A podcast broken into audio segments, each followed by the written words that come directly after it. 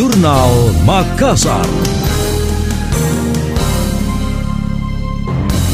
Saya Emil Faris dalam Jurnal Makassar. COVID-19 varian Omikron mulai menyebar lewat transmisi lokal di Indonesia. Tidak terkecuali di Sulawesi Selatan. Dinas Kesehatan Sulsel mencatat hingga kini sudah tujuh orang diketahui terpapar varian Omikron. Mereka antara lain berinisial MNS dan AK dari Kabupaten Sopeng, AC dari Luwu, AAW dari Kabupaten Baru, CP dari Sidoarjo, H dari Jakarta. Sebelumnya pasien Omikron pertama di Sulsel yang berasal dari Takalar meninggal dunia belum lama ini. Kepala Bidang Pencegahan dan Pengendalian Penyakit P2P Dinas Kesehatan Sulsel, Husni Tamrin mengatakan, pasien pertama Omikron yang meninggal diketahui memiliki riwayat penyakit tuberkulosis TBC dan HIV. Husni mengaku pihaknya pun telah melakukan tracing kontak dengan orang terdekat almarhum. Hasilnya semua dinyatakan negatif. Nah, kalau tidak ini kan ini kan ada riwayat perjalanan ini. Ini ini sementara saya tunggu hasil tracingnya.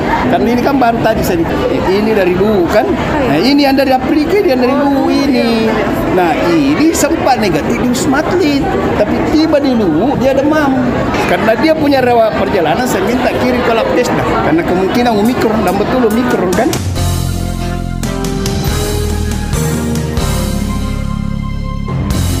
Terpisah PLT Gubernur Sulawesi Selatan Andi Sudirman Sulaiman menyampaikan saat ini Dinas Kesehatan melakukan penelusuran kontak erat terhadap tujuh warganya yang terkonfirmasi Omikron. Olehnya itu dirinya mengajak masyarakat untuk bekerja sama agar turut serta melakukan vaksinasi. Menurutnya vaksinasi merupakan salah satu langkah mencegah virus merusak jaringan tubuh. Anda masih mendengarkan Jurnal Makassar dari Radio Smart FM. Kondisi kesehatan Wali Kota Dani Pomanto sudah berangsur membaik usai dinyatakan tertular COVID-19. Saat ini masih menjalani isolasi mandiri di kediaman pribadinya. Kepala Dinas Kesehatan Makassar Nur Saida Sirajudin memaparkan hasil pemeriksaan tim medis yang bertugas, saturasi dan tensi normal termasuk semua parameter lainnya. Selama menjalani isolasi, kegiatan wali kota dibatasi dan dilarang menemui secara langsung kondisi Bapak Wali Kota, saya dapat laporan dari tim RSUD yang memantau perkembangan kesehatan Bapak Wali Kota. Itu tadi tensinya Bapak 130 per 80, saturasinya 97, tidak ada keluhan, dan Bapak dalam kondisi sehat-sehat. Seperti itu adik.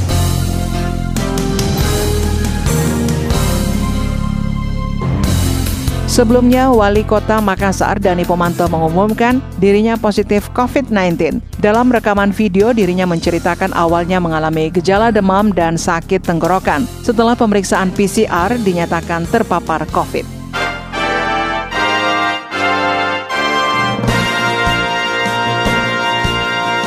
Demikian tadi, Jurnal Makassar.